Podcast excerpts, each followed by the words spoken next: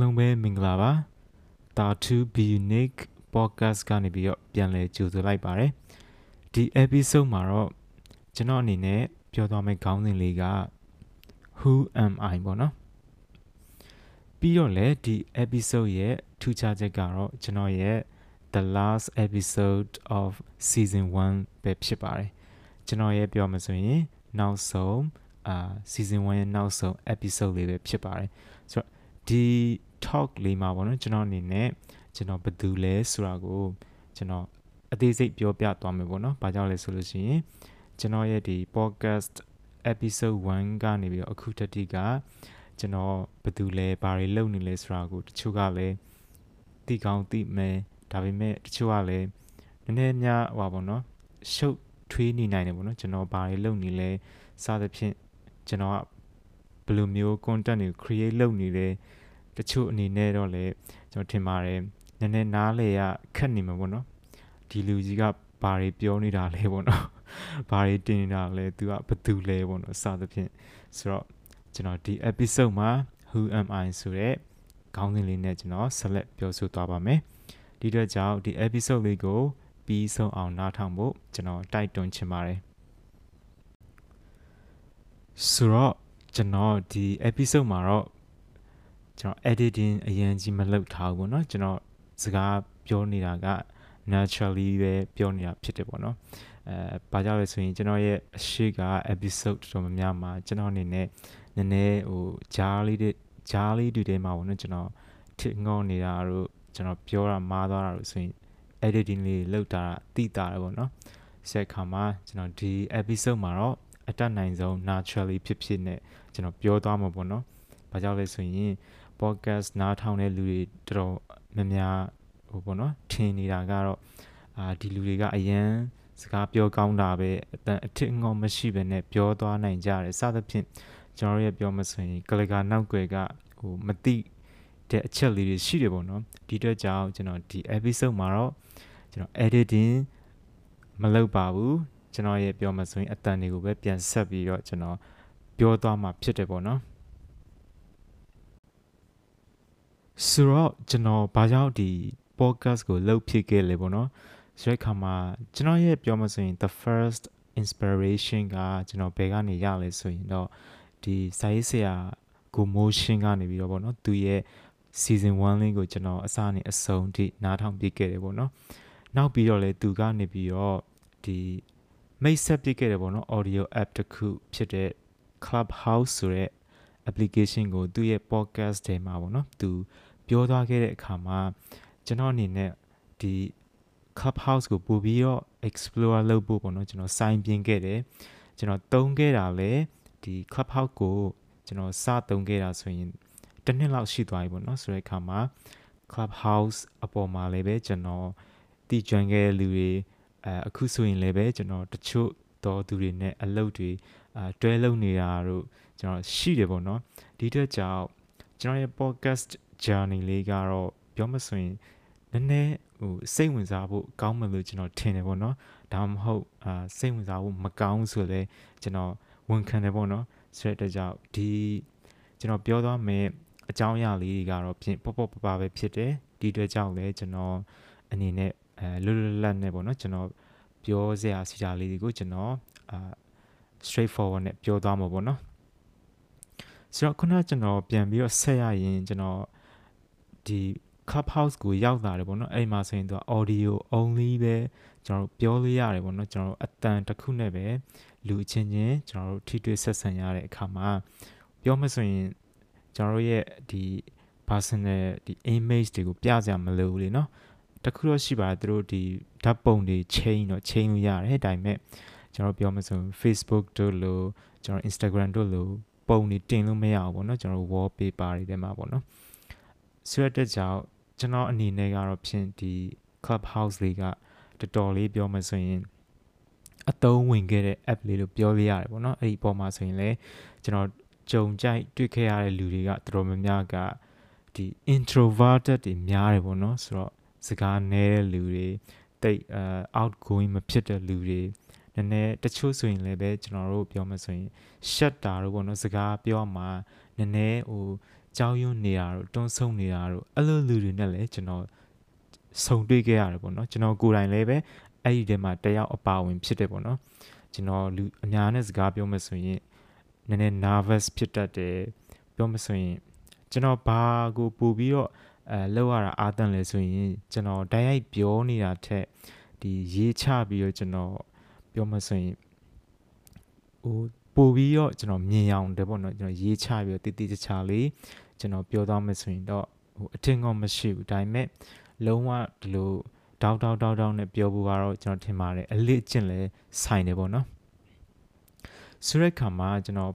ဒီ clubhouse ကိုရောက်သွားပြီးတဲ့အခါမှာကျွန်တော် speaker တွေတကယ်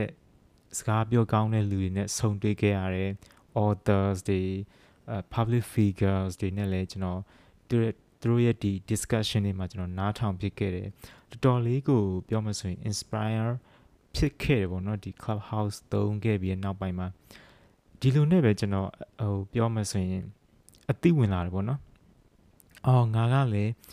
ပြောမှဆိုရင် introverted တယောက်ပဲပေါ့နော်စကားပြောရမှာလဲနည်းနည်းလေး confident နည်းနေတယ်ပေါ့နော်လူအရှိသူရှိမှာဆိုတဲ့အတွက်ကြောင့်ငါတခုခုလုပ်ရင်ကောင်းမလားပေါ့နော် podcast လေး စပြီးတော့လုပ်ပြီးတော့ကိုယ့်ရဲ့ fears လေးတွေကိုနည်းနည်းနည်းနည်းဖြေဖြောက်သွားမလားပေါ့နော်ဆိုပြီးတော့ကျွန်တော်စဉ်းစားပြခဲ့တယ်ဒီလိုနဲ့နောက်တစ်ခုဒီ podcast journey ကိုပေါ့နော်ဟိုပို့ပြီးတော့ဟိုထင်းစီတဲ့ဟိုတေးကြသွားအောင်လုပ်စီတဲ့အချက်ကတော့ကျွန်တော် clubhouse မှာဒီကိုလာပြေးပေါ့နော်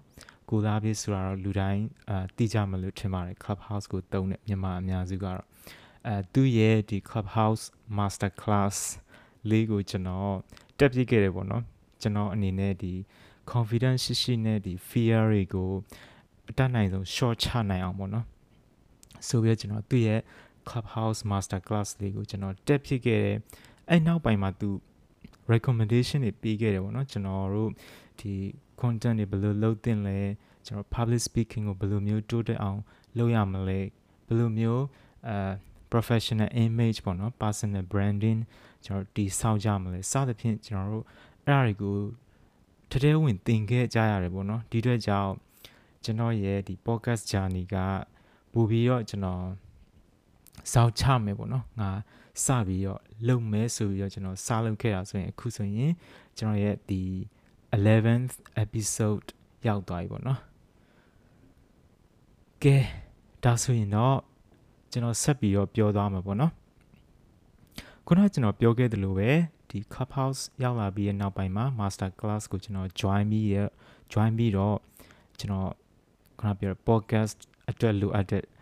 device တွေပေါ့နော်ကျွန်တော်ရခဲ့ tips and tricks တွေကျွန်တော်ရခဲ့ဒီလိုနဲ့ပဲကျွန်တော်ဒီ podcast လေးကိုစလုပ်ဖြစ်ခဲ့တယ်ပေါ့နော်ကျွန်တော်ရဲ့ဒီ first episode ကတော့ကျွန်တော်ဒီ study abroad အကြောင်းလေးကျွန်တော်ပြောခဲ့တယ် scholarship တွေဘယ်လိုမျိုးရှောင်ရမလဲ scholarship interview တွေစသဖြင့်ပေါ့နော်ဆက်ပြီးတော့လည်းကျွန်တော်ရဲ့အဖြစ်တည်နေတဲ့ဒီ micro share ပေါ့နော်အဲ့အကြောင်းလေးကိုလည်းကျွန်တော်ပြောပြခဲ့တယ်ဒီ how to overcome stress ပေါ့နော်ပြီးလို့ရှိရင်ကျွန်တော်တို့ဘာကြောင့် unique ဖြစ်ရတယ်လဲပေါ့နော်စသဖြင့်ကျွန်တော်အဲ့ဒီအကြောင်းအရာလေးကိုကျွန်တော်ပြောသွားခဲ့တယ် နောက်ပိုင်းမှာကျွန်တော်ရဲ့ပြောမှဆိုရင်အာကြုံတွေ့ခဲ့ရတဲ့ဒီ personal experience လေးကိုကျွန်တော်ဒီထည့်ပြခဲ့တယ်ပေါ့နော်ဆိုတဲ့ကြောင့်ဒီ podcast လေးကဆိုလို့ရှိရင်တော့ကျွန်တော်ရဲ့ season 1ဖြစ်တဲ့အလျောက်ပေါ့နော်ကျွန်တော်ပြောမှဆိုရင်လုံနေတဲ့အလုပ်လေးတွေကိုကျွန်တော်နည်းနည်းနည်းနည်းနည်းချင်းစီတော့ကျွန်တော်ပြောမှဆိုရင်ပြလာတယ်ပေါ့နော်ကျွန်တော်ဘာလုပ်နေလဲဘာတွေလောက်ကင်နေလဲပေါ့နော်စသဖြင့် ဆိုတော့အဓိကအချက်ကတော့ကျွန်တော်ဘာကြောင့် podcast ကျွန်တော်လှုပ်ဖြစ်ခဲ့လေပေါ့နော်ခုနလည်းပြောသွားခဲ့ပြီပါပြီကျွန်တော် confident နည်းနေတယ် fears တွေရှိတယ်နောက်ပြီးတဲ့နောက်ပြီးတဲ့အခါမှာလည်းကျွန်တော်ကျွန်တော်ရဲ့ပြောမှဆိုရင်စိတ်အားထက်သန်မှုလို့လည်းပြောလို့ရမယ်ထင်ပါတယ်အဲ့ဒါကကျွန်တော် sharing လုပ်ချင်တဲ့စိတ်ရှိရပေါ့နော်ကျွန်တော်ဒီမှာတခုခုကိုကနားလေတာရတယ်သိတာရတယ်ဆိုလို့ရှိရင်ကျွန်တော်ကတခြားလူတွေကိုလည်းသူတို့ကိုကျွန်တော်သိသလောက် ပြောမဆိုရင်ရထားသလောက်ပြန်ပြီးတော့မျှဝေချင်တဲ့စိတ်ကလည်းရှိတယ်ပေါ့နော်ဒီအတွက်ကြောင့်ကျွန်တော်ပြောမဆိုရင်အာငါ podcast လေးလည်းလုပ်မယ်ငါရဲ့အပုံလည်းပြကြမလို့ပေါ့နော်ပြီးလို့ရှိရင်လည်းငါ sharing လုပ်ချင်တဲ့ content လေးတွေကိုလည်းသူတို့နားထောင်သွားရင်းနဲ့တည်သွားကြမယ်ဘယ်လောက်တောင်ကောင်းမလဲပေါ့နော်ကျွန်တော်အဲ့လိုမျိုးအာကျွန်တော်တွေးဖြစ်ခဲ့တယ်ပေါ့နော်ကဲဒါဆိုရင်ကျွန်တော်ဆက်လက်သွားကြရအောင်ပေါ့နော်ဆိုတော့တခုကျွန်တော် ဒီ correction တခုလုပ်ချင်တယ်ပေါ့နော်ကျွန်တော်ရဲ့ဒီ episode 4ထင်ပါတယ်ဒီ MICROTIA ပေါ့နော်ကျွန်တော်ပထမတုန်းကထွက်ခဲ့တာကတော့ micro dia လို့ထွက်ခဲ့တယ်တကယ်တမ်းကျတော့သူ့ရဲ့ correct pronunciation က micro sha လို့ထွက်တယ်ပေါ့နော်အတန်ထွက်တယ်ပေါ့နော်အဲ့ဒါလေးလဲကျွန်တော် correction လုပ်ချင်ပါတယ်ဘာကြောင့်လဲဆိုရင်ကျွန်တော်အနေနဲ့ဒီ spelling ဒီ pronunciation အမားတွေကိုကျွန်တော် ပေးခဲ့မိတဲ့အတွက်ကျွန်တော်ပြောမစရင် sorry လို့ကျွန်တော်ပြောချင်တယ်ပေါ့နော်အဲအဲ့ဒီဟာကလည်းပြောမစရင်တိတိလေးပဲမဲ့လည်းကျွန်တော်တို့ပြောမစရင်အခေါ်အဝေါ်မှန်ကန်ဖို့အရေးကြီးတဲ့အတွက်ကြောင့်ကျွန်တော်အနေနဲ့အဲ့ဒီ correction လေးကိုလည်းကျွန်တော်ဒီတဲ့ဒီမှာပဲတခါတည်းကျွန်တော် correct လုပ်ချင်တာပေါ့နော် micro sha လို့အတန်ထွက်ပါတယ် micro tia လို့မထွက်ပါဘူးဆိုတော့ကဲဒါဆိုရင်ကျွန်တော်ဆက်ပြီးတော့ပြောသွားမှာပေါ့နော် လက်ရှိမှာတော့ကျွန်တော်ဘာတွေလုပ်နေလဲပေါ့နော် what i'm doing currently ဆိုရင်တော့ကျွန်တော်အချက်နှစ်ချက်ပြောချင်တယ်ပေါ့နော်ဒီအချက်နှစ်ချက်ကဘယ်မှာမူတည်နေလဲဆိုရင်တော့ကျွန်တော်လုပ်နေတဲ့အလုပ်နှစ်ခုပေါ်မှာမူတည်နေတယ်ပေါ့နော်ပထမတစ်ခုကတော့ကျွန်တော်အနေနဲ့ဒီ online training center လေးကိုကျွန်တော်လုပ်နေတယ်ပေါ့နော်ကျွန်တော်ရဲ့ background ကိုပြောပြရရင်တော့ကျွန်တော်အနေနဲ့ဒီ bachelor's degree ကိုကျွန်တော် education and psychology major နဲ့ကျွန်တော် Thai ဒီ Asia Pacific အာတက္ကသိုလ်မှာပေါ့နော်ကျွန်တော်ဘွဲရခဲ့တယ်2018ကနေကျွန်တော်ဘွဲရခဲ့တယ်ပေါ့နော်အဲ့ဒီနောက်ပိုင်းမှာဆိုရင်တော့ကျွန်တော်ဒီမဲဆောက်မှာဒီရွှေပြောင်းကြောင်တကြောင်မှာပေါ့နော်ကျွန်တော်ဒီ assistant administrator အနေနဲ့ကျွန်တော်3နှစ်ကျွန်တော်လုပ်ကင်ခဲ့တယ်ပေါ့နော်အဲ့နောက်ပိုင်းမှာကျွန်တော်တစ်ဖက်မှာလည်းဒီ ကလေးတွေကိုစာသင်ပေးခဲ့တဲ့ part time ပေါ့နော် Zoom ကနေတဆင့်ကျွန်တော်စာသင်ပေးခဲ့တယ်ပေါ့နော် GED subject တွေကိုလည်းကျွန်တော်သင်ပေးရပေါ့နော်ဆိုတော့ကျွန်တော်ဒီ online training center လေးကိုလုပ်ဖြစ်တဲ့ရည်ရွယ်ချက်ကတော့ကျွန်တော်တို့ဒီခုကာလပေါ့နော်မြန်မာပြည်မှာဆိုရင်လည်းတော်တော်လေးကိုမှလူငယ်တွေအတွက်အကြက်တဲဖြစ်နေကြတယ်ပေါ့နော်သူတို့ရဲ့ထွက်ပေါက်သည်ကျွန်တော်မရှိသလောက်ပဲဖြစ်နေတယ်ပေါ့နော်ပြောမှဆို10တန်းကလည်းတစ်ပိုင်းတစ်စနဲ့ တက္ကသိုလ်ဆက်တက်ဖို့ကလည်းမရေရာတဲ့အခြေအနေပေါ့နော်ဒီအတွက်ကြောင့်ကျွန်တော်ထောင်ထားတဲ့ဒီ Alinden Education ပေါ့နော် Alinden ပညာရေးဆိုတဲ့ဒီ online training center လေးမှာကျွန်တော်တို့ဘယ် course တွေကိုကျွန်တော်တို့ပေးနေလဲဆိုတော့ GED ပေါ့နော် General Education Development ဆိုတဲ့ဒီအထက်တန်းပေါ့နော်အောင်လက်မှတ်ဒီနိုင်ငံတကာအသိမှတ်ပြုအထက်တန်းအောင်လက်မှတ် စာမေးပွဲကိုကျွန်တော်တို့က preparation 10လတာလုပ်ပေးရပေါ့နော်ဆိုလို့ရှိရင်အခုဒီနှစ်တိုင်ရဲ့10လပိုင်းမှာဆိုရင်ကျွန်တော်တို့က student recruitment လုပ်တယ်ပေါ့နော်ဆိုတော့အခုနားထောင်နေတဲ့အထဲမှာလည်းပဲကျွန်တော်တို့ဒီအထက်တန်းမပြီးသေးတဲ့ကျောင်းသူကျောင်းသားတွေရှိမှဆိုရင်ကျွန်တော်ကိုဆက်သွယ်လို့ရတယ်ပေါ့နော်အလင်းတန်း education ကိုတိုက်ရိုက်ဆက်သွယ်လဲရပါတယ်ပြီးရဲ့အပြင်ကျွန်တော်တို့ဒီအလင်းတန်းမှာ English for skills ပေါ့နော်ဒီလေးပြောမစစွမ်းရည်ပေါ့နော် English စွမ်းရည် full scale English တွေကိုကျွန်တော်တို့ပေးနေပါတယ်ဒီအတွက်ကြောင့်ကျွန်တော်တို့ online school မှာရတာကတော့ GED နဲ့ English အာ full scale တွေရှိတယ်ပေါ့နော်နောက်ပြီးတော့ကျွန်တော်တို့ပြောမှဆိုရင်ကျွန်တော်အနေနဲ့နောက်ထပ်လုပ်နေတဲ့ အချက်လေးကတော့အလုပ်လို့လည်းပြောလို့ရတာပေါ့နော်အဲ့ဒါကတော့ content writing အလုပ်ပေါ့နော်ကျွန်တော်ကိုယ်ပိုင်လုပ်နေတယ်လို့လည်းပြောလို့ရတယ်အဲ့ဒီ content website တစ်ခုဖြစ်တဲ့ဘဟုတုတ corner ဆိုပြီးတော့ကျွန်တော် net တငယ်ချင်းတွေပေါ့နော်စုပြီးတော့တီထောင်ထားတယ်ဆိုတော့ဘဟုတုတ corner.com ဆိုပြီးတော့ရိုက်ချလိုက်ရင်ကျွန်တော်ရဲ့ website ကိုထွက်လာပါလိမ့်မယ်အဲ့ဒီတဲမှာဆိုရင်တော့ကျွန်တော်တို့ရေးတဲ့ content အများစုကတော့လူငယ်တွေအတွက်အကျိုးရှိစေမဲ့ဒီ sound bar တိုလေးတွေဖြစ်တယ်ပေါ့နော်ကျွန်တော်တို့ရေးတဲ့ content တွေကတော့ copyrighted writing တွေဖြစ်တယ်ပေါ့နော်ကျွန်တော်တို့ဒီပြောမှဆိုရင် translate ပြန်လုပ်တာတယ်ပေါ့နော်ဆိုတဲ့အတွက်ကြောင့်ဖတ်ရတဲ့အခါမှာလည်းကျွန်တော်တို့ပြောမှဆိုရင် credible reliable အတိုင်းအတာတစ်ခုထိရှိတယ်ပေါ့နော်ဒီအတွက်ကြောင့်လူငယ်တွေအနေနဲ့ကျွန်တော်တို့တွေဘ ഹു တုတရစီမဲ့အကြောင်းအရာတွေကို ဒီဘူတုတကော်နာမှာကျွန်တော်တွားပြီးတော့ဖတ်လို့ရတယ်ပေါ့နော်နယ်ပယ်ပေါင်းစုံကနေပြီးတော့ကျွန်တော်တို့စုစည်းပြီးတော့တင်ပြထားတယ်ပေါ့နော်ပညာရေးကျန်းမာရေးလူမှုရေးဤပညာစသဖြင့်ပေါ့နော်အများကြီးကျွန်တော်တို့ဆက်လုပ်နေပါတယ်ပေါ့နော်ဒီဘ ഹു တုတကော်နာလေးဟိုတစားတစားနဲ့အဲကျွန်တော်တို့ improve ဖြစ်လာဖို့ပေါ့နော်ကျွန်တော်တို့ team တွေကလက်ရှိမှာလည်းပဲအတတ်နိုင်ဆုံး active ဖြစ်အောင်တော့ကျွန်တော်တို့လှုပ်ဆောင်နေပါတယ်ပေါ့နော် ဒီ podcast တွေကိုနားထောင်နေတဲ့ဘေးသက်တယ်မှာလည်းပဲပေါ့နော်ကိုအနေနဲ့ဒီ content writing ကိုဝါသနာပါတယ်ပေါ့နော်ဆိုလို့ရှိရင်တော့ကျွန်တော်ကိုဆက်သွယ်လို့ရတယ်ပေါ့နော်ဘူတူတာကော်နာကနေပြီးတော့လဲ content writers တွေကိုအလင်းသင့်တယ်လို့ခေါ်နေပါတယ်။ဘာကြောင့်လဲဆိုလို့ရှိရင်တော့ကျွန်တော်တို့ရဲ့ဒီလက်ရှိမှာတော့ဒီ content writer တွေကအတိုင်းအတာတစ်ခုထိနည်းနေသေးတယ်ပေါ့နော်ဒီအတွက်ကြောင့်